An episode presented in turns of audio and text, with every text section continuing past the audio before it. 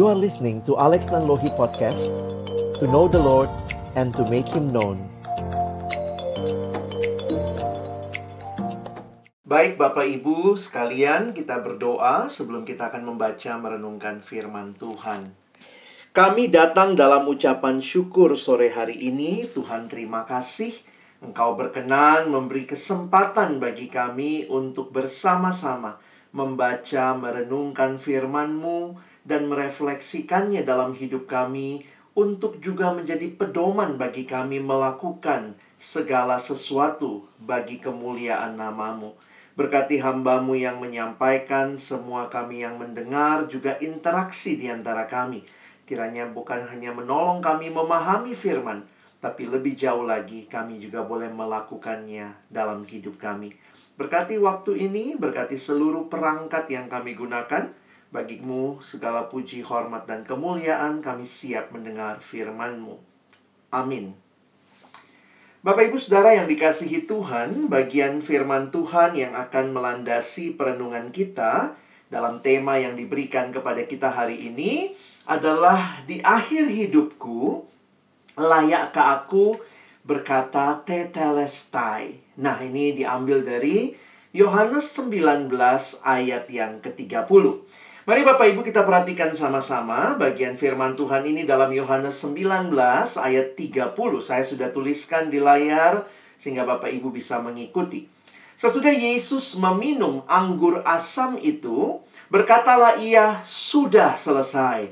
Lalu ia menundukkan kepalanya dan menyerahkan nyawanya. Mungkin Bapak Ibu bertanya, yang mana Pak Pendeta tetelestai? Di dalam bahasa Yunani, kalau Bapak Ibu melihat ya, tetelestai itu diterjemahkan dalam bahasa Indonesia dengan dua kata, yaitu sudah selesai. Nah, itulah artinya tetelestai ya. Dan ini menjadi bagian yang menarik untuk kita perhatikan karena ini adalah satu dari tujuh ucapan perkataan Yesus dari kayu salib.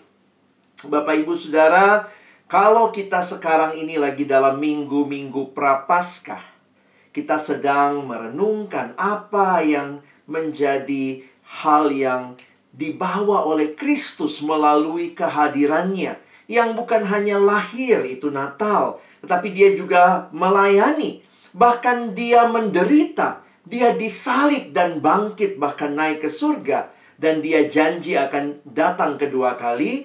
Ini menjadi hal yang menarik di dalam gereja Tuhan untuk sama-sama kita memikirkan ya secara khusus dalam masa prapaskah ini berkaitan dengan sengsara dan juga kebangkitan Kristus. Tujuh perkataan Yesus di kayu salib dicatat di dalam Alkitab. Kalau Bapak Ibu perhatikan, Gereja menghargai yang disebut tujuh ucapan Yesus di kayu salib sebagai penyingkapan pikiran Yesus yang terpendam. Jadi jangan hanya perhatikan kata-katanya, tetapi kalau kita menggalinya, di balik itu kita melihat hal yang sangat mendasar dari apa yang sebenarnya Yesus pikirkan. Satu pun tidak ada yang diucapkan dengan kepahitan ataupun keluh kesah. Wah, Bapak Ibu, waktu saya belajar tentang penyaliban, ternyata penyaliban itu luar biasa mengerikan.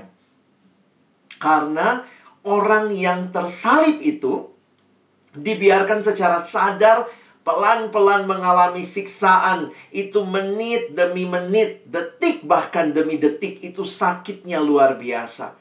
Karena itu, di dalam tradisi dikatakan begini, biasanya orang yang disalib itu akan memaki-maki orang yang menyalibkan karena saking sakitnya Bapak Ibu Saudara. Tetapi tidak satu pun makian yang kita lihat, yang kita baca di dalam tujuh perkataan Yesus dari kayu salib. Satu pun tidak ada yang diucapkan dengan kepahitan ataupun keluh kesah. Masing-masing, kalau nanti pelajari satu-satu ya, mengungkapkan kasihnya yang besar kepada kita atau tugasnya yang mengerikan. Nah, ini hari ini kita akan lihat ya. Dan dalam menanggung dosa dan kemenangan akhirnya. Nah, kalau Bapak Ibu nanti mempelajari lebih lanjut, kita melihat bahwa Yesus mengucapkan tujuh ucapan pendek namun penting di kayu salib yang secara keseluruhan menyibak tabir salib itu. Memang tidak ada penulis Injil yang mencatat semuanya, ya. Tetapi Matius, Markus masing-masing mencatat satu, ya, atau e, maksudnya apa yang ada di Matius, di Markus itu salah satu. Lalu enam yang lainnya, tiga dicatat oleh Lukas dan tiga oleh Yohanes. Jadi tujuh semua ya. Nah, nanti kalau kita perhatikan di mana saja munculnya. Nah, Bapak Ibu bisa lihat ya. Ucapan pertama dan ucapan terakhir yang ketujuh itu doa Bapak Ibu ya. Indah sekali dari kayu salib Yesus berdoa, ya Bapa, ampunilah mereka. Lalu di akhir ucapan ketujuh nanti, ya Bapa, ke dalam tanganmu kuserahkan nyawaku. Nah, lalu ucapan kedua, kepada penjahat di sebelahnya, ucapan ketiga kepada ibunya, dari kayu salib penderitaan yang luar biasa, Yesus tidak melupakan tanggung jawab terhadap keluarga. Wah, ini sangat indah. Ucapan keempat, dia berkata, Eloi, Eloi lama sabachthani. Ucapan kelima, aku haus. Ucapan keenam, nah ini yang kita mau lihat hari ini ya. Sudah selesai dan nanti ucapan ketujuh kalau Bapak Ibu membaca adalah doa yang saya katakan tadi. Ya Bapak, ke dalam tanganmu kuserahkan nyawaku. Mari kita lihat ucapan keenam ini dan kita coba refleksikan ya. Ketika Yesus berkata, Tetelestai. Wah, yang atas itu tulisan apa? Itu bahasa Yunani Bapak Ibu ya. Itu di dalam bahasa Indonesia karena bahasa Yunani itu menyatu tensisnya dengan katanya ya. Misalnya, apa sih? Ini ternyata adalah sebuah ungkapan sudah selesai. Nah, apa yang dinyatakan? Kata Yunani tetelestai ini diterjemahkan di bahasa Indonesia sudah selesai. Kata ini sebenarnya kata dasarnya dari kata kerja teleo. Dan teleo ini punya arti mencapai tujuan akhir. Menyelesaikan atau juga menjadi sempurna. Jadi waktu Yesus berkata sudah selesai, itu menyatakan bahwa apa yang menjadi tugas yang diberikan kepadanya, tugas yang diemban ketika dia datang ke dalam dunia, itu telah selesai. Telah diselesaikan, sudah selesai. Nah, nanti kita akan lihat ya, di dalam Injil Yohanes kalau Bapak Ibu juga membaca mati eh, Yohanes pasal 4, Tuhan Yesus pernah mengatakan kalimat ini. Kata Yesus kepada murid-muridnya ini ya yang memberikan dia makan, makananku ialah melakukan kehendak dia, maksudnya Bapaknya yang mengutus aku dan menyelesaikan pekerjaannya. Dan apa yang disampaikan, Bapak Ibu lihat ya, ini Yohanes 4 adalah menyelesaikan pekerjaan yang ditugaskan kepadanya. Dan Yohanes 19 mencatat kalimat itu. Sudah selesai. Di kayu salib, dalam penderitaan yang mungkin kita bisa bayangkan begitu mengerikan. Tetapi ada hal yang Yesus sadar bahwa sudah selesai tugas yang diberikan oleh Bapa kepadanya. Bapak Ibu ingat ya, Yesus kan tidak datang ke dalam dunia untuk apa studi banding, lagi lagi praktek lapangan, tetapi Yesus datang untuk menyelesaikan tugas yang diberikan Bapaknya. Injil Matius pasal 1 mencatat dia datang untuk menyelamatkan umatnya dari dosa. Dan karena itulah kekristenan bahkan sampai hari ini kita memilih salib menjadi simbol kekristenan. Karena di kayu salib itu Kristus menyelesaikan yang menjadi tugas yang diberikan Bapa kepadanya. Seorang teolog bernama Wayne Grudem menjelaskan sebenarnya ada empat hal yang seharusnya menjadi tujuan akhir manusia berdosa seandainya Yesus tidak datang menebus. Wah, apa itu tujuan akhir kita kalau Yesus tidak datang? Maka kita akan hidup di dalam maut, Bapak Ibu Saudara. Jadi di kayu salib itu, Yesus membebaskan kita dari dosa. Mari kita lihat, ya, kalau kita lihat sekilas bahwa kematian itulah hukuman pelanggaran bagi setiap kita yang berdosa. Lalu karena kita berdosa harusnya kita menanggung murka Allah. Karena kita berdosa harusnya kita terpisah dari Allah. Dan karena kita berdosa maka seharusnya itu menjadi hal yang mengerikan karena di dalam dosa digambarkan kita diperbudak.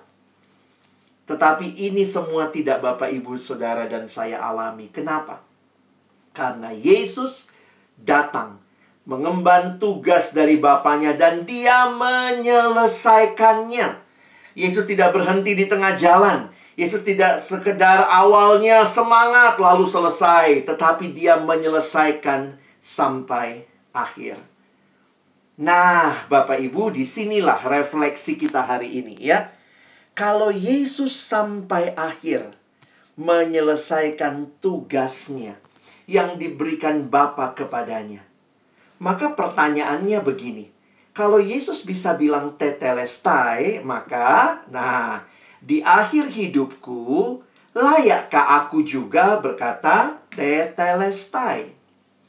Nah, Bapak Ibu, ini yang perlu kita sama-sama pikirkan dan renungkan hari ini. Yesus sudah melakukan bagiannya. Dia meninggalkan teladan bagi kita, umatnya, murid-muridnya, supaya kita tidak berhenti setengah jalan, Bapak Ibu. Semangat menyelesaikan sampai akhir. Tuhan juga mau saudara dan saya miliki. Memang tidak mudah, Bapak Ibu, ya karena perjuangan dalam kehidupan ya seperti yang Yesus alami. Jalannya bukan jalan tol, tapi jalan salib. Jalan yang penuh pergumulan, penuh penderitaan, tetapi dia melewatinya dengan bergantung kepada Bapaknya. Nah, bagi kita bagaimana sekarang? Mungkin kita juga jadi berpikir, wah, saya kok sombong banget kalau bisa ngomong tetelestai. Wah, sudah selesai semua.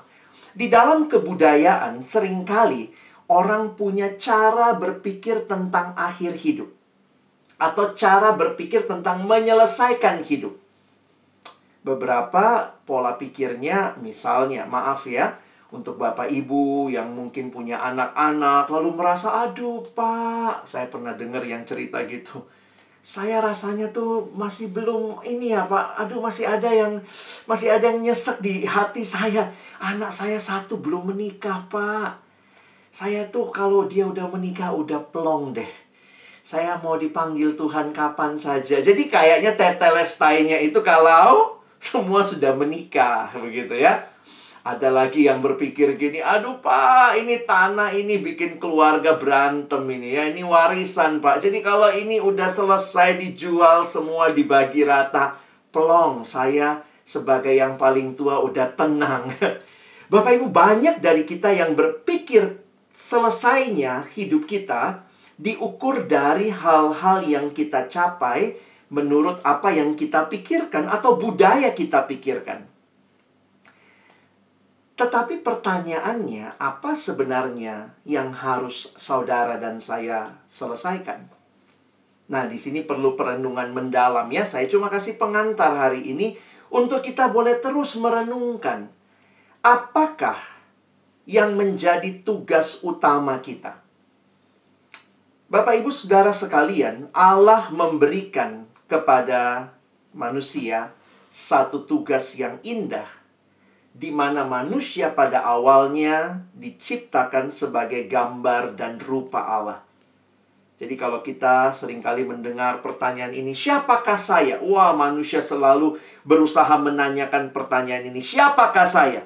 Dan Bapak Ibu lihat ya, ilmu-ilmu dalam dunia berusaha menjawab siapa manusia. Contoh, ilmu ekonomi bilang manusia itu makhluk ekonomi. Semua kegiatannya dimotivasi oleh motif ekonomi. Kenapa kerja? Karena ekonomi kan. Kenapa sekolah? Supaya nanti bisa cari duit. Jadi sebenarnya semua yang menggerakkan manusia adalah ekonomi. Maka tetelestainya adalah kalau semua keekonomian tercapai. Ilmu politik bilang, oh enggak, manusia tuh makhluk politik. Semua yang terjadi, bayangkan kita tuh terikat dengan politik. Mau suka nggak suka, kita terikat dengan politik. Wah, yang satu belajar biologi. Oh tidak, manusia itu makhluk biologi. Wah, dijelaskan lagi. Lalu kemudian yang satu bilang, oh enggak, manusia itu makhluk sosial karena belajarnya ilmu sosial. Sehingga semua sedang berusaha memberikan apa manusia itu. Termasuk bicara arti hidup manusia. Tidak heran dari pemahaman-pemahaman itu muncullah apa sih artinya hidup sukses? Nah, Bapak Ibu, kita perlu merefleksikan buat Yesus sukses itu apa ya? Apakah sukses bagi Yesus adalah punya uang yang banyak? Loh, Tuhan Yesus matinya disalib. Di dunia nggak punya apa-apa, Bapak Ibu ya. Kalau kita mencoba melihat hidup Yesus, coba Bapak Ibu audit hidup Yesus, analisa ini orang berhasil apa enggak? Apa yang mengukur keberhasilannya? Kenapa di akhir hidupnya dia bisa bilang tetelestai? Bukankah kita melihat hidup yang sukses saat ini? Diukur dari apa? Ya, kalau kuliah, sekolah, wah berhasil. Lalu kemudian nanti punya karir yang baik. Lalu duit yang banyak. Lalu kemudian keluarga yang akan hidup damai, happily ever after. Saudara, apakah tidak boleh kita punya keinginan seperti ini? Bright future, masa depan yang cerah. Bapak Ibu boleh-boleh saja Tuhan gak anti sama hal-hal ini. Tetapi, mari kita ingat kalau Bapak Ibu hadir dalam dunia ini, maka harusnya kita tanya tujuan hidup kita dari siapa. Jangan dari ekonomi semata-mata, jangan dari sosial semata-mata, jangan dari politik semata-mata, tetapi tanyalah kepada yang menciptakan Bapak, Ibu, Saudara, dan saya. Yesus mengatakan selesai, sudah selesai karena dia tahu tugas yang Bapaknya berikan kepada dia. Dan itu terjadi karena Yesus punya relasi dengan Bapaknya. Pertanyaannya, apakah Bapak Ibu Saudara juga punya relasi dengan Allah yang menciptakan kita sehingga kita tahu tujuan hidup kita, kita tahu apa yang menjadi kerinduan Allah bagi kita sehingga kita tidak melupakan Allah di dalam semua pencapaian hidup kita. Karena yang bisa memuaskan kita ya cuma Tuhan ya, Bapak Ibu ya. Ada kalimat bahasa Inggris bilang begini, the only one who can truly satisfy the human heart is the one who made it. Jadi siapa yang bisa memuaskan hati kita? Ya cuma Tuhan yang menciptakan hati itu. Karena itu Bapak Ibu Saudara, Mari kita lihat sama-sama ya. Dalam satu katekisasi atau buku katekisasi yang namanya Shorter Westminster Shorter Catechism ada pertanyaan pertama. Jadi model katekisasinya tuh kayak buku tanya jawab ya. Pertanyaannya begini, what is the chief end of man? Apa tujuan hidup manusia? Lalu jawabannya adalah itu ada ayat-ayatnya sebenarnya di bawah ya kalau kita gali. Tetapi disimpulkan, tujuan hidup manusia adalah untuk memuliakan Allah dan menikmatinya, menikmati Allah selama-lamanya. Nah, ini mungkin buat Bapak Ibu yang matanya kayak saya ya kurang awas ini lebih besar. Man's chief end is to glorify God and to enjoy him forever. Maka dari aspek inilah saya ingin mengajak Bapak Ibu ketika memasuki masa prapaskah ini. Apa arti hidup yang bisa berkata sudah selesai? Itu adalah hidup yang mengerti jelas bahwa Tuhan hadir dan Tuhan memimpin hidup kita. Kita punya cerita dan cerita kita adalah cerita yang di dalamnya kita sedang ada di dalam cerita besarnya Allah. Bapak Ibu tempatkanlah hidup kita, karir kita, pelayanan kita, keluarga kita di dalam pimpinan Tuhan. Jadi memang kalau orang nanya, apakah kalau saya jadi ini Pak, ya saya banyak ketemu anak SMA Bapak Ibu ya, yang lagi nanya, Kak Alex nanti saya jadi apa ya? Kira-kira Tuhan mau nggak sih saya jadi ini? Tuhan mau nggak sih saya jadi itu? Itu banyak pertanyaan anak sekolah ya. Saya bilang kadang-kadang kita tidak dikasih tahu oleh Tuhan mesti jadi apa. Tetapi yang Tuhan ingatkan, Jadi apa pun kamu, di mana pun kamu bekerja, di mana pun kamu melayani, tetaplah hidup dalam relasi dengan aku. Hanya di dalam relasi dengan Tuhanlah kita juga bisa berkata seperti Yesus, sudah selesai. Dan di sinilah pentingnya kita terus menikmati persekutuan dengan Tuhan, membaca, merenungkan firman setiap hari, punya hidup berkomunitas yang saling membangun, saling mengingatkan, dan bagi Tuhanlah segala kemuliaan. Jadi, Bapak Ibu, kalau kembali menjawab pertanyaan di akhir hidup, Layakkah aku berkata tetelestai hanya ketika Bapak Ibu Saudara hidup di dalam Tuhan, hidup bersama Tuhan, maka Bapak Ibu juga akan bisa berkata, Tuhan inilah yang kau percayakan, aku pakai sepenuhnya bagi kemuliaan-Mu. Kiranya Tuhan menolong kita, bukan hanya jadi pendengar firman, tapi jadi pelaku-pelaku firman-Nya. Amin. Saya kembalikan ke Mbak Naomi. Kalau ada kesempatan kita tanya jawab, saya persilakan. Sebelumnya Bang Alex untuk firmannya. Wow, luar biasa banget. Boleh dong Bapak Ibu kan di situ ada boleh reaction ya. Boleh ya kita kasih reaction tepuk tangan dulu ya buat Bang Alex. Yang di gereja juga boleh kok tepuk tangan buat Bang Alex. Sebelum kita ke tanya jawab. Oke, di sini sebenarnya kalau aku lihat di chatbox masih kosong tapi ya. mungkin Bapak Ibu ada yang mau langsung tanya, bertanya sama Bang Alex mengenai firman yang tadi telah disampaikan, boleh langsung raise hand, kemudian uh, menyebutkan nama ya Bapak Ibu. Barangkali ada yang mau bertanya atau berdiskusi dengan Bang Alex gitu. Kalau nggak nanti saya mau tanya sih soalnya. Terima kasih, Mbak Omi. Terima kasih, Pak Alex. Iya, Bu. Uh, Ya, ingin uh, ada yang ingin saya tanyakan. Uh, seperti yang tadi Pak Alex sampaikan bahwa uh, kehidupan yang kita jalani saat ini artinya bukan hanya bahwa kehidupan yang saat ini kita terima. Banyak kan orang melihat bahwa keberhasilan kita selama di dunia ini itu adalah tujuannya. Hmm. Hmm. Artinya punya segalanya Pak Alex sampaikan. Tapi kalau dari sisi kita sebagai anak Tuhan kan ada satu hal yang penting yang harus kita lakukan. Jadi uh, di akhir hidup kita dapat kita nyatakan bahwa sudah selesai. Nah, yang ingin saya sampaikan selain tadi Pak Alex sudah uh, menjelaskan kepada kami poin apa yang paling penting yang yeah. dapat kita lakukan sehingga kehidupan kita ini bisa menjadi berkat di mana pun Tuhan tempatkan. Itu saja yeah. Pak. Terima kasih. Terima kasih Ibu. Saya langsung jawab Mbak Naomi. Iya, Bang Alex langsung aja boleh yeah. jawab. Nah nanti dicatat ya nih panitia dapat hadiah kayaknya kalau tanya. Itu Mbak Yuni. Iya. Oke nih. Nah, memang menarik untuk kita perhatikan. Saya kalau bicara sukses, bagi saya sukses yang utama adalah taat sama Tuhan. Kenapa?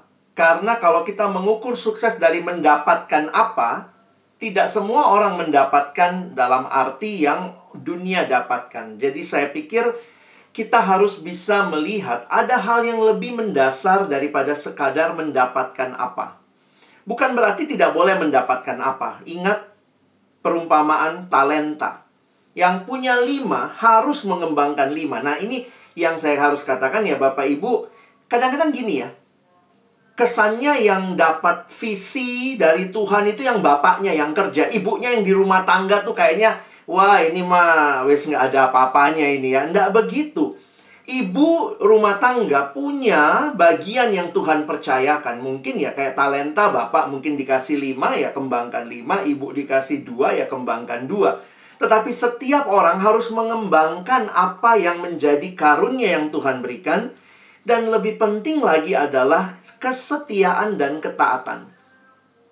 Ngapain kita kaya raya di dunia, tetapi cara mendapatkannya korupsi Bagi saya bukan itu. Banyak orang mungkin ya, kita tidak mau menghakimi. Dia bisa nyumbang besar bagi pelayanan. Tetapi, kalau itu dari hasil korupsi, mungkin di dunia dia akan dimuliakan, dikasih posisi karena banyak sumbangannya. Tetapi bukan itu ukuran keberhasilan. Saya selalu lihat Yesus. Apa keberhasilannya? Dia taat kepada kehendak Bapaknya. Yesus nggak punya rumah Bapak Ibu ya kalau kita lihat-lihat gitu, dia bilang nggak ada tempat menaruh kepala. Jadi kalau kita bilang kita berhasil, nah ini budaya kita ya, membuat kita memang berhasil itu kalau punya rumah, orang tua warisin ke anak punya warisan, padahal habis orang tua pergi anak berantem gitu ya, bukannya ngewarisin. Jadi uh, jangan lupa ketaatan kepada Tuhan, hidup di dalam Tuhan itulah sebenarnya warisan terbesar yang harusnya kita miliki dan kita teruskan kepada anak-anak kita. Kalau Bapak Ibu dikasih uang yang banyak ya, karena mungkin pekerjaan atau hasil atau mungkin punya tanah yang besar, maka ingat, tetap pakailah itu dengan baik di dalam takut akan Tuhan dan dalam ketaatan kepada Tuhan. Itu yang namanya berhasil. Kira-kira begitu ya, Bu. Oke.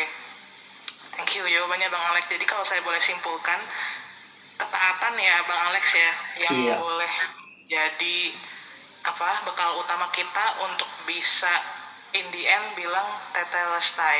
Hmm. Tapi kan saya boleh tanya ya kalau gitu sekalian saya boleh tanya nggak sih? Belum ya. Berhubung ini belum ada yang tanya, jadi saya mau tanya ke Bang Alex nih personal question. um, tadi menarik tentang ketaatan. Yang pasti ketaatan itu tuh nggak gampang ya. Kita yeah. semua tahu, saya juga struggling setiap hari untuk saat teduh untuk baca hmm. Alkitab kadang bolong-bolong gitu ya Bang Alex mungkin boleh kali ya dibagikan tips gitu untuk yeah.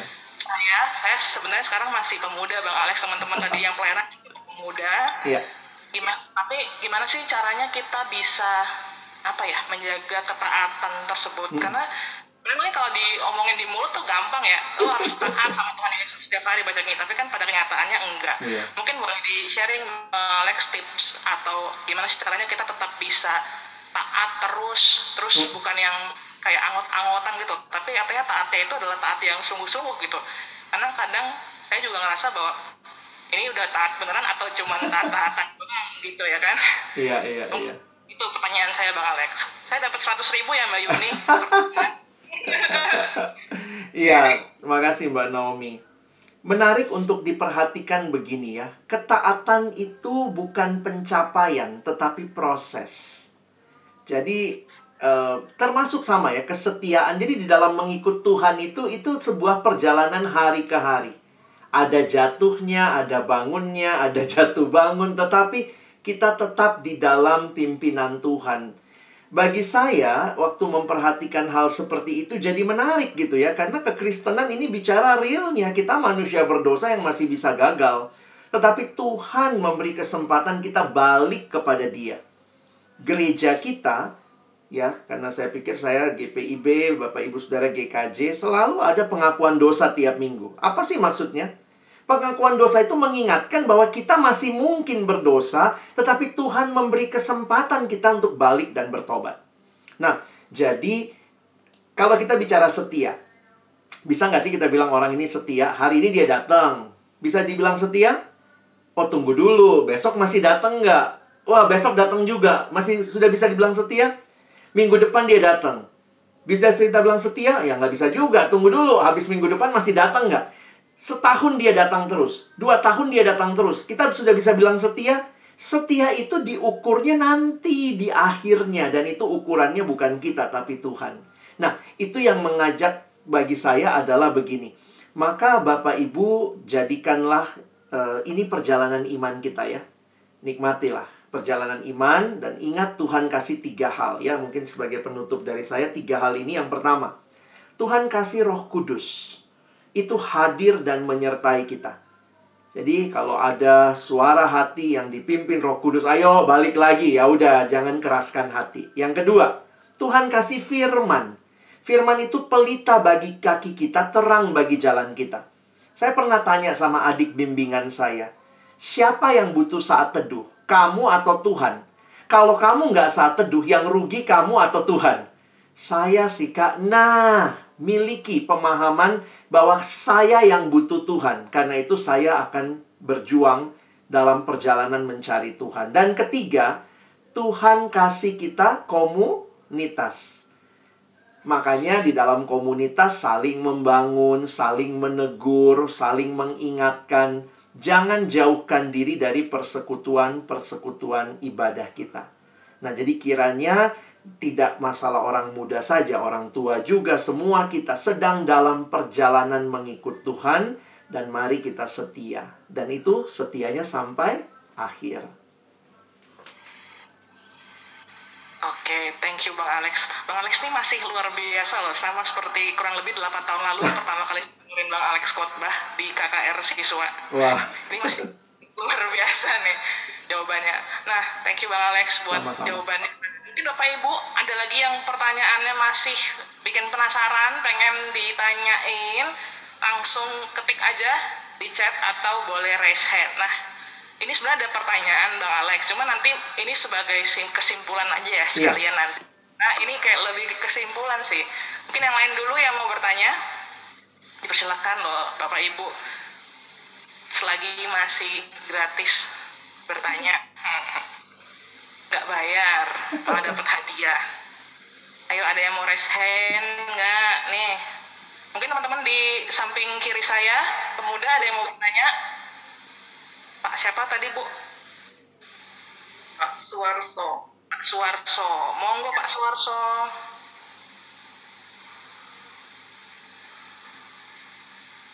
Janto sudah raise hand, boleh langsung di open mic ya Pak Wisnu. Baik, Mbak Naomi, makasih. Pak Alex, saya mau tanya. Iya. Tadi terkait dengan tetelestai ya, Pak. Iya. Kalau Tuhan Yesus sudah menjadi teladan yang sempurna buat kita, Iya. dan itu tidak akan terbantahkan.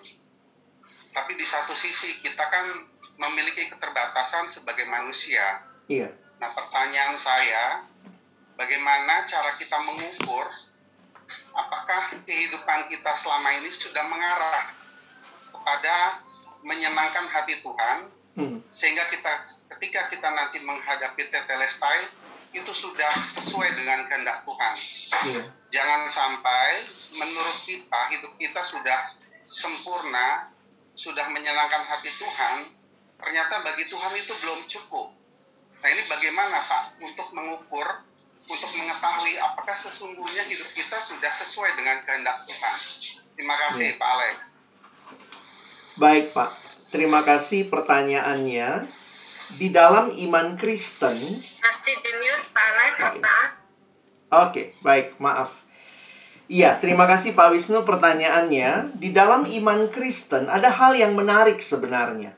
Keselamatan kita bukan apa yang kita lakukan bagi Allah, tetapi apa yang Allah lakukan bagi kita di dalam Kristus. Nah, itulah makanya kita sangat kuat dengan ajaran tentang anugerah. Jadi, kalau kita simpulkan, sebenarnya tidak ada satupun dari kita yang hidupnya bisa menyenangkan Tuhan 100%. Tidak ada yang bisa. Nah, kalau, kalau begitu berarti kita nggak mungkin dong hidup menyenangkan Tuhan. Di dalam penghayatan kita, itu bukan usaha untuk mendapatkan perkenanan Tuhan, tetapi itu respon Nah, ini bedakan ya. Jadi, bagi orang Kristen, hidup menyenangkan Tuhan bukan cara supaya diterima Tuhan, tetapi respon karena sudah diterima Tuhan. Nah, ini yang mesti kita bedakan. Jadi, jangan ketakutan, hai orang-orang Kristen, jangan ketakutan, aduh nanti kayaknya Tuhan nggak terima saya. Kalau Bapak Ibu sudah di dalam Kristus, maka kita menerima semua berkat anugerah Allah. Lalu apa dong artinya ketaatan kita? Ketaatan kita adalah respon atas karya anugerah Allah. Jadi sekali lagi mesti kita ingat, ketaatan kita bukan membuat kita selamat dan diterima Tuhan, tidak.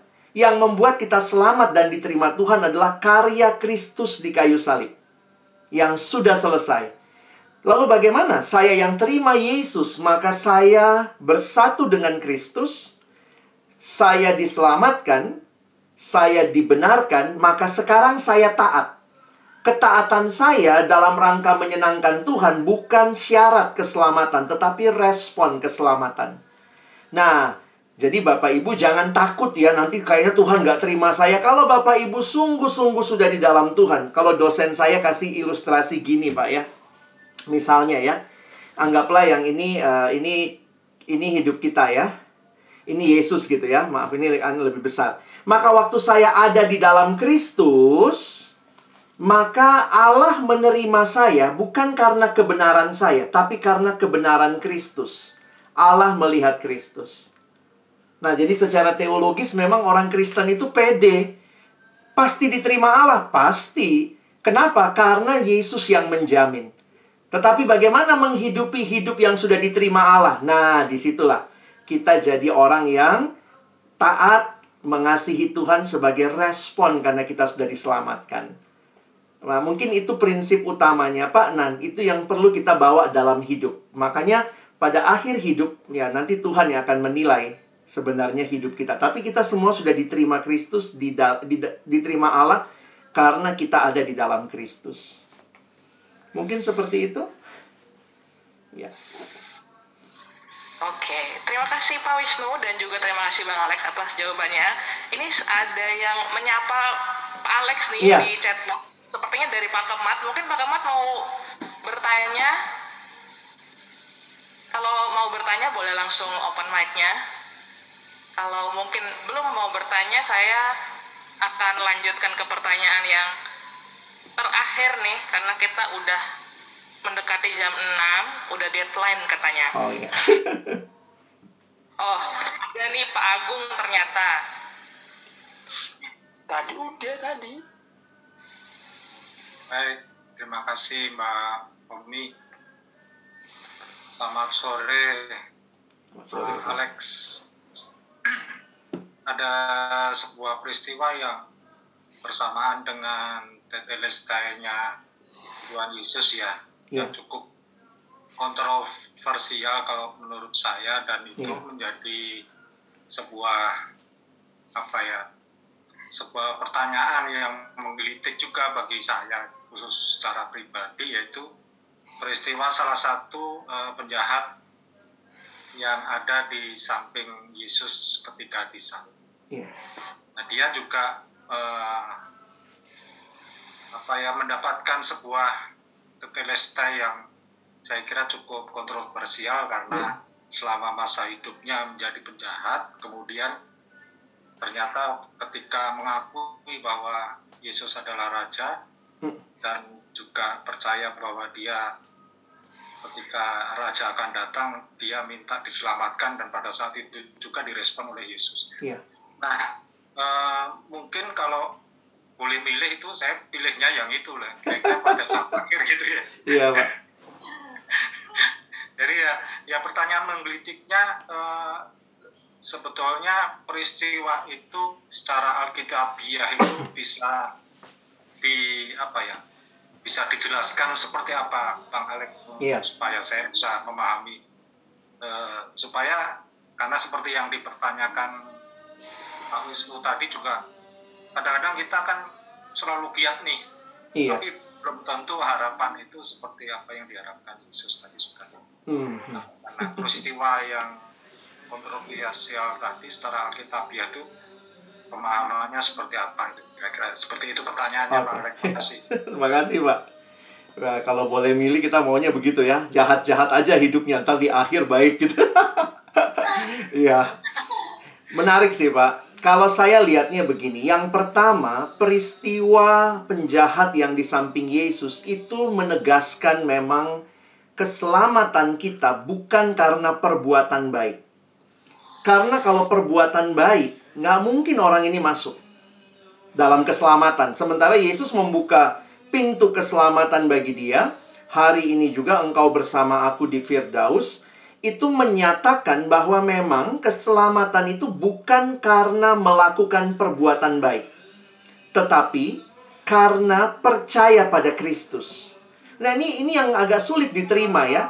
oleh banyak orang, apalagi kita ada dalam uh, ajaran yang ada di dalam uh, mayoritas mayoritas yang di sekitar kita kan mengatakan untuk selamat kamu harus melakukan sesuatu.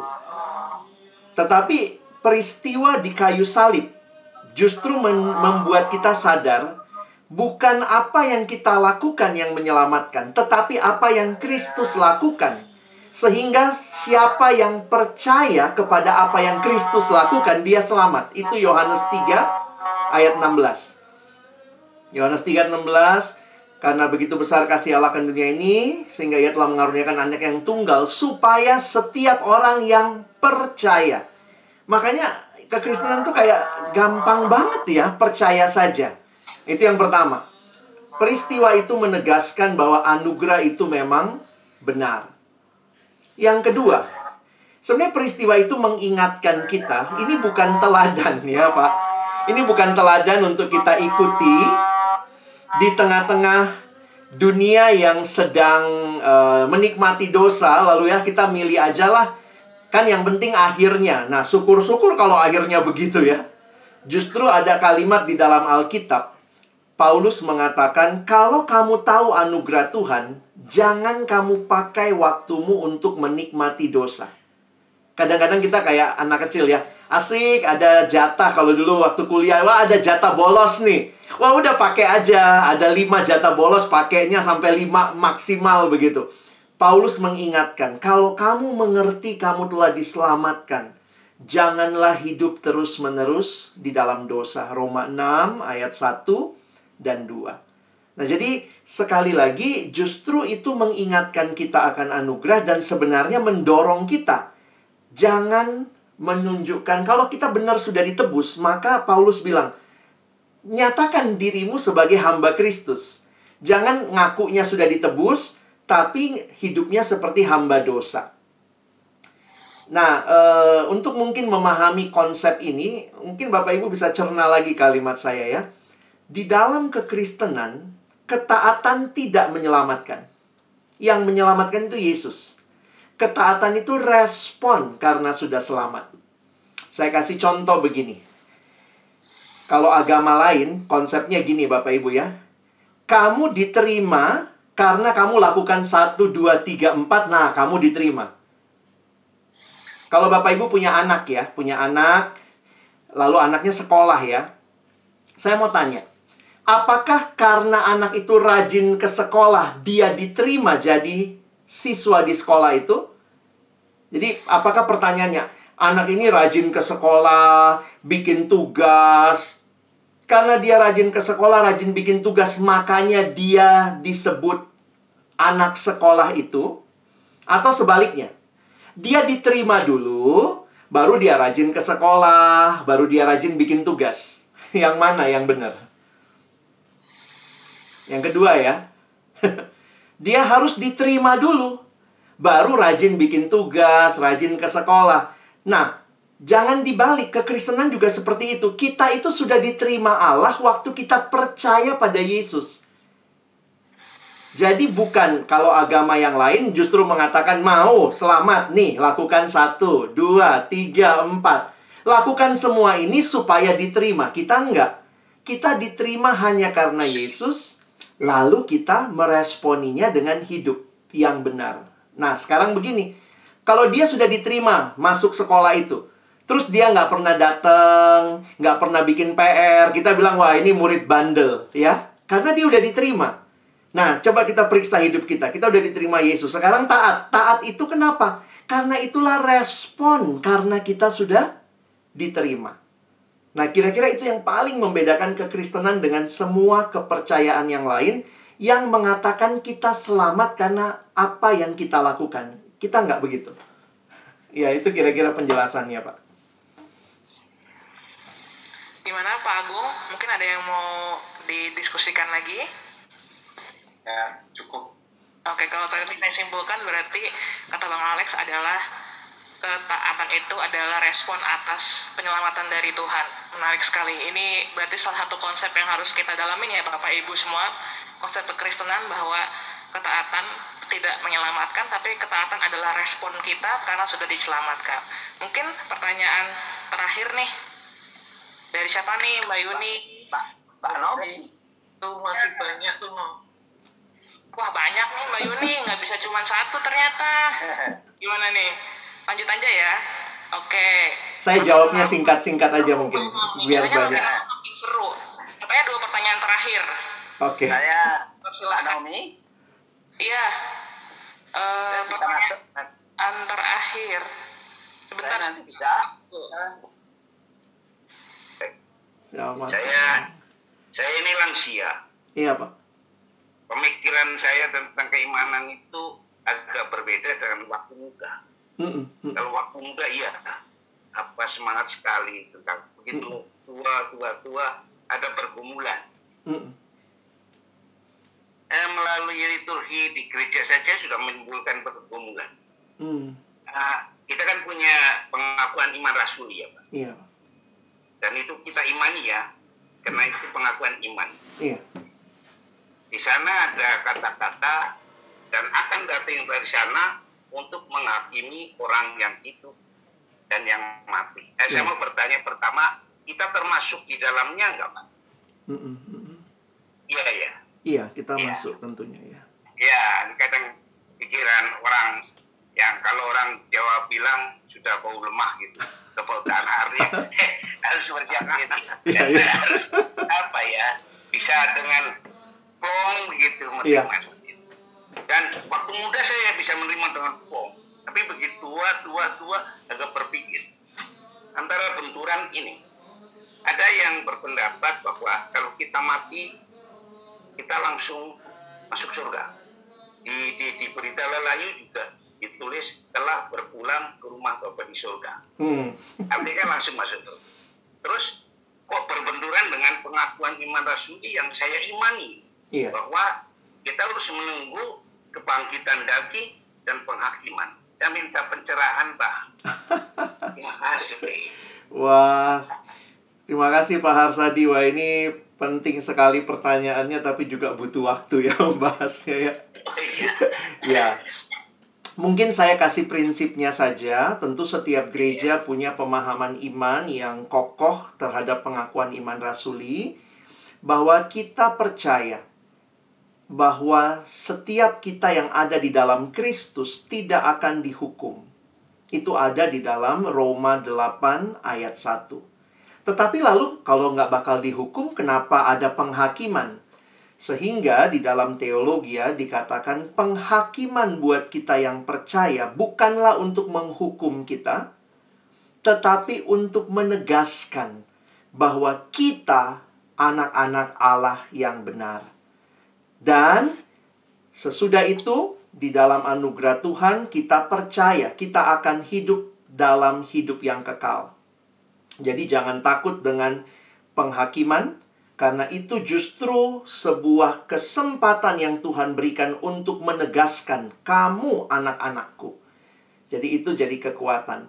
Lalu bagaimana waktu meninggal apakah langsung atau nanti tunggu kebangkitan ada urutannya. Urutannya pakai aja pengakuan iman rasuli karena itu pengakuan kita. Ya, pengakuan kita adalah uh, aku percaya pada gereja yang kudus dan am persekutuan orang kudus, pengampunan dosa, kebangkitan daging dan hidup yang kekal. Jadi kita sebenarnya semua nantinya akan mengalami kebangkitan dan masuk dalam hidup yang kekal. Nah, tetapi kan dalam kalimat pastoral, kalau kita ada yang meninggal, masa kita bilang, dia nanti akan bangkit, ini lagi tunggu begitu ya, nggak enak ya Pak. Jadi memang secara pastoral kita menerima istilah telah bersama Bapa di sorga. Kita meyakini bahwa semua orang yang meninggal ada di dalam Kristus, tetapi memang masih menunggu kebangkitan. Jadi, eh, pakai aja ya pengakuan iman rasuli yang memang sudah di, di, dirumuskan begitu rupa kita menunggu kebangkitan daging lalu kemudian ada hidup yang kekal. Nah, tapi kalimat kalau orang meninggal ya saya pikir kan orang butuh dihibur kita teologis. Jadi Bapak ini oh eyang ini masih tunggu kebangkitan. Wah, itu nggak enak ya sama keluarga ya. Jadi kita mengatakan telah bersama Bapa di surga. Itu secara teologis juga nggak salah. Karena semua kita yang percaya kita bersama dengan Tuhan. Nah, kira-kira seperti itu. Oke, Eh, boleh lagi nambah. Boleh. Ini Eh, asalnya ada yang menakutkan Pak Alex. Iya, Pak. Ya menurut kita sudah beriman dan Iya. kita berhak jadi anak-anak Allah dan sukses tidak akan mahkota kehidupan. Betul. Tapi di sana yang kata-kata Yesus yang menakutkan. Iya. Kamu berseru kepadaku Tuhan Tuhan, tapi kata oleh aku tak kenal kamu. Ingatlah. Itu itu kadang menakutkan juga Pak. Bapak, Bapak eh, ini ya, indahnya baca Alkitab semua ada konteks, Pak. Iya. Jadi nanti kalau Pak Harsa dibaca itu bukan untuk Bapak, bukan untuk Eyang ya. Nanti Bapak baca itu di atasnya untuk pengajar palsu, Pak. Untuk guru palsu. Bapak enggak toh? Bapak anak Tuhan. menurut menurut saya sendiri tidak, tapi menurut Tuhan seperti Pak Agung, apakah saya itu tidak seperti itu? Apakah saya Kalau seperti itu? Gitu. Kalau Pak Harsadi seorang guru palsu ngajar-ngajarin yang nggak bener ya kalimatnya buat Bapak. Jadi jangan Bapak, jadi gini, kalau baca ada konteksnya. Jadi jangan merasa itu buat kita padahal itu sebenarnya buat guru palsu, Pak. Ntar takutnya ketakutan padahal nggak bukan buat Bapak. Kasih saya kan sering palsu Pak. Iya. Tapi guru palsu ya, Pak. Ya. Oke, cukup dulu ya Pak Arsadi untuk Iya, pertanyaan. iya, iya. Iya. Karena kita Iya, ada iya. durasi dan masih ada pertanyaan lagi. Saya mohon maaf nih yang Sarwono saya selak dulu ya. Saya mau Oh ya. jadi ada Pak Anton yang telah lebih dahulu mengajukan Iya. pertanyaan. Boleh langsung open mic. Kemudian nanti boleh yang Sarwono juga mengajukan pertanyaan. Nanti baru dijawab oleh Bang Alex ya. Oke, sekalian ya. Baik. Monggo Pak Anton dipersilakan open mic, open cam. Nah, keren nih. Oke, terima kasih Mbak Naomi. Eh, langsung aja ke Pak Alex ya. Silakan, Pak. Ini mungkin ini bukan pertanyaan tapi semacam statement gitu ya Iya. yang saya pelajari dari tadi dari awal kemudian eh, kemudian eh, saya coba menyimpulkan gini Pak Alex kalau salah ya mohon interupsi atau per ini ya Pak Alex Iya. ya pemasukannya buat saya. Jadi kalau menurut menurut saya tadi saya simpulkan eh, hal-hal yang dikatakan oleh bapak-bapak sebelumnya Pak Arsadi dan lainnya itu jadi saya simpulkan gini kekristenan itu bukan soal kita mengubah realitas menjadi kemauan kita sendiri. Itu yang pertama. Jadi pola pikir kita gitu maksudnya realitas kita. Tapi eh, kekristenan itu adalah menerima bahwa kita itu telah diberkati. Jadi pola pikir kita berbeda dengan apa yang kita pikirkan secara duniawi. Tuh. kemudian karena kita dikasihi. Iya. yang kedua yang tadi bapak eh, Pak Alex sebutkan dan yang ketiga yang pasti yang disebutkan juga tadi rencananya adalah yang terbaik buat kita adalah hidup yang kekal Hmm. jadi eh, kalau kalau salah boleh di ini ya Pak Alex ya jadi secara realistis kadang-kadang kita berpikir secara duniawi saat ini kan oh, kalau gini tuh maksudnya ini itu pola pikir manusia kan maksudnya Hmm. Hmm. yang yang harus kita rubah bahwa kekristenan bukan soal mengubah realitas yang tadi saya bilang sesuai dengan kehendak kita gitu. tapi kehendak Tuhan mungkin itu ya Pak Alex ya tapi yang kedua nih Pak Alex statement saya karena saya sebagai manusia gini saya mengibarkan hidup saya seperti kalau kita di jalan proklamasi Depok Timur itu kalau dari arah Hmm. depan Depok Timur mau ke Depok Timur dalam gitu ya Di proklamasi itu kan harus belok ke kiri dulu ya Iya. kalau nggak salah dipasang pelang itu di depan pospol gitu ya. Nah kehidupan kekristenan itu kadang-kadang saya anggap seperti itu perjalanan. Di situ sudah tertulis kita harus ke kiri dulu, Mm-mm. putar balik, baru ke Depok Timur Dalam. Tetapi kadang-kadang, wah depan kosong, kita nyerobot aja, lurus aja, biar potong jalan, biar Hmm. cepat. Padahal kita tahu, kita tahu di situ ada tulisannya, panahnya itu ke kiri dulu. Itu Pak Alex menurut saya. Oke. Jadi kadang-kadang eh, realitas kita berpikir ah kita potong cepat nih. Hmm. Hmm. Betul. Itu melanggar. Ini real, ya ini real. Depok Timur itu di Pangkok Spol itu ada pelang itu jelas-jelas. Bagi yang naik motor kalau mau masuk ke Depok Timur dalam itu pasti harusnya ke kiri dulu kan. Tapi sekarang Pak itu semua masuk jadi wah, nah itulah realitas saya menurut saya.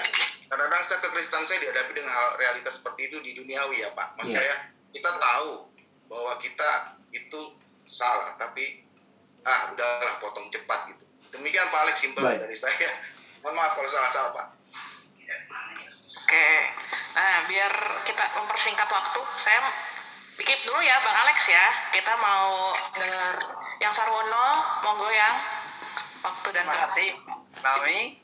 Siap. Selamat petang, Mas Alek ya. Ya, Pak. Alek boleh saya panggil. Iya, Maaf monggo, Alek Pak. karena saya ini termasuk Agiuswo.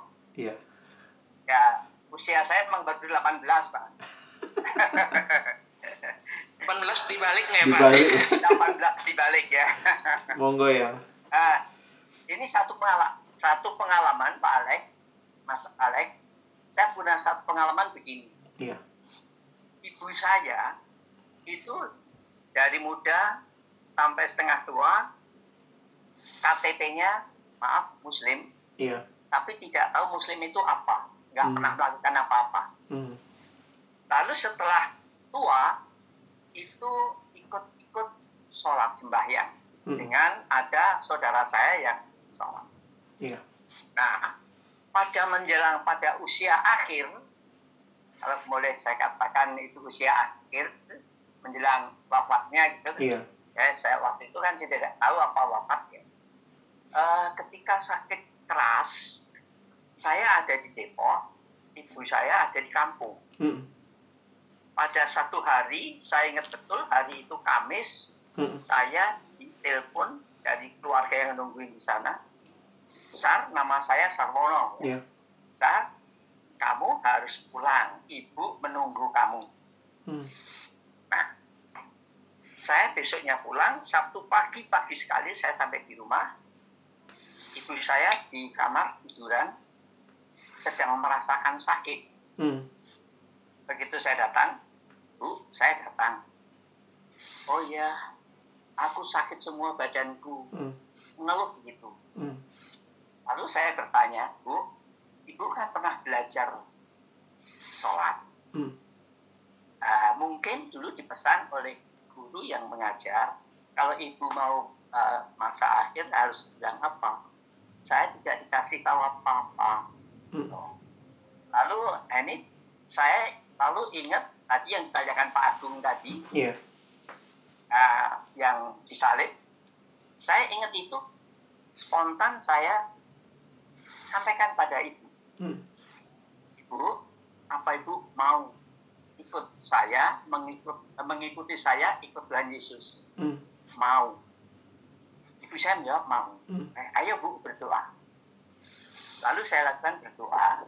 Di dalam doa saya, saya memohon pada Tuhan Yesus, kiranya ibu saya Hmm. boleh diterima ikut Tuhan Yesus. Jadi Hmm. kira-kira intinya seperti itu, Pak. Hmm. Begitu saya amin, saya merasa enak. Hmm.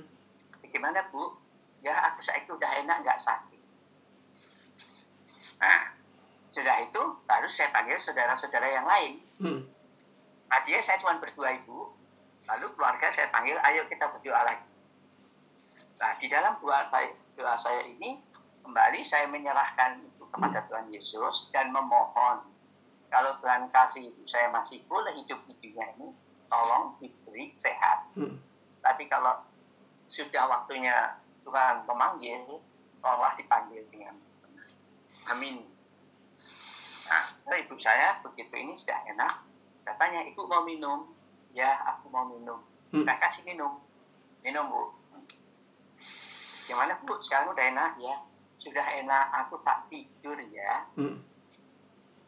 Nah, saat aku tak tidur ya, sejenak kemudian memiringkan kepala, terus sudah tidak ada.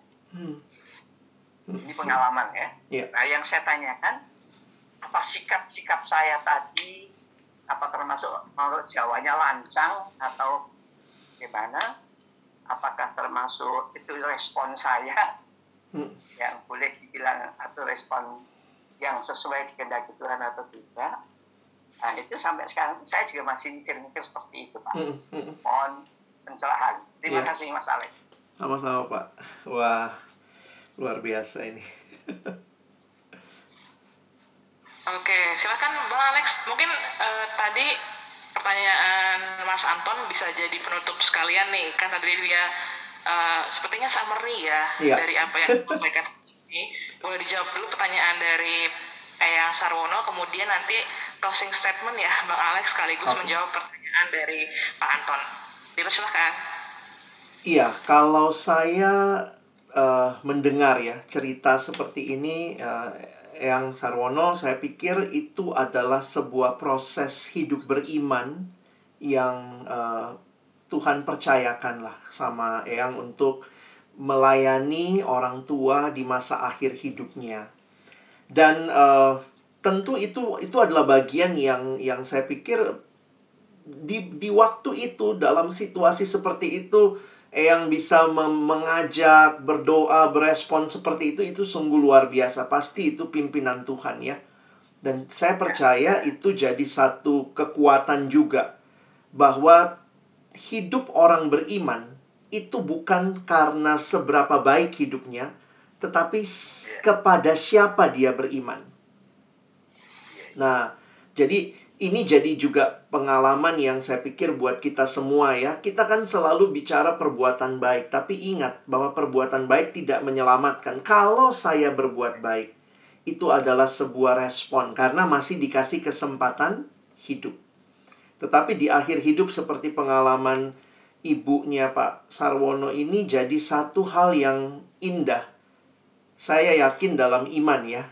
Dalam iman bahwa Tuhan berkenan kepada apa yang Bapak lakukan dan biarlah di dalam kerinduan kita ya. Nanti kita ketemu Tuhan di surga. Apakah Ibu Pak Sarwono ada di sana ya? Dalam iman kita percaya kalau dia terima Yesus dia di dalam Kristus dia ada bersama Yesus.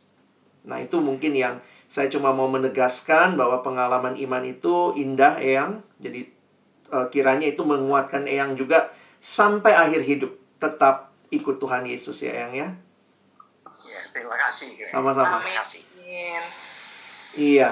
Eh Pak Anton saya pikir saya nggak usah tanggapin ya. Bapak udah nyimpulin dengan baik. Dan itu hal yang saya pikir akan eh, membuat hidup beriman itu hidup melampaui realita. Hidup melampaui kebahagiaan yang dunia pikirkan.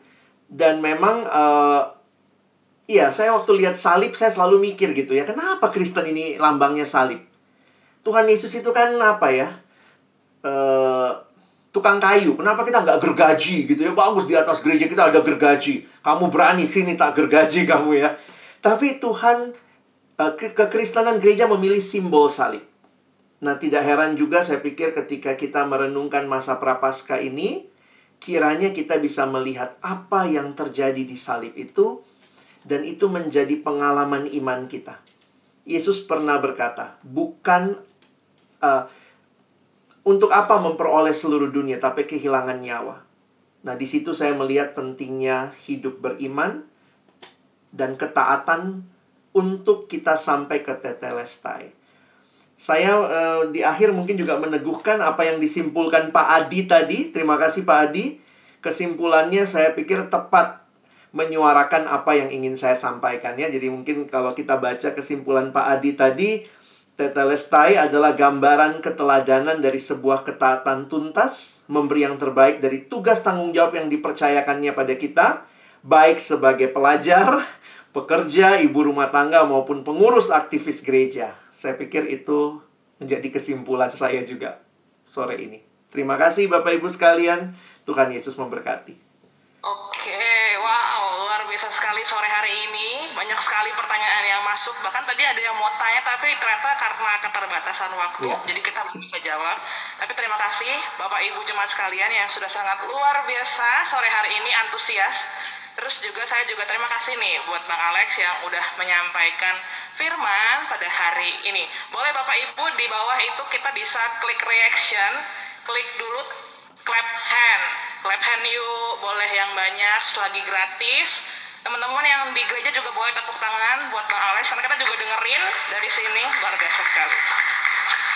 Oke, jadi kalau tadi eh, saya boleh rangkum sedikit, mungkin hidup kita ini tuh sebenarnya adalah bagaimana kita bisa apa ya meresponi bag- eh, keselamatan dari Tuhan. Maka dari itu jangan pernah berhenti untuk terus berusaha dan berupaya supaya nanti di akhir hidup kita kita bisa berkata tetelestai atau sudah selesai. Bang Alex untuk menutup eh, acara kita pada malam hari ini mungkin boleh dengan kasih aku mohon untuk berdoa penutup. Baik. Bapak Ibu sekalian, mari kita berdoa. Tuhan, terima kasih banyak untuk kebenaran firman, juga diskusi kami. Kelihatan dengan jelas betapa kami rindu Tuhan untuk terus hidup hingga akhir. Seperti Kristus boleh berkata, Tetelestai. Terima kasih untuk Bapak Ibu sekalian yang mengikuti. Terima kasih untuk Mbak Naomi yang boleh juga memandu kami. Dan kami bersyukur untuk sesi ini. Berkati sukacita kami selanjutnya di dalam kebersamaan kami. Dalam nama Yesus kami menutup firman-Mu sore ini. Amin. Amin.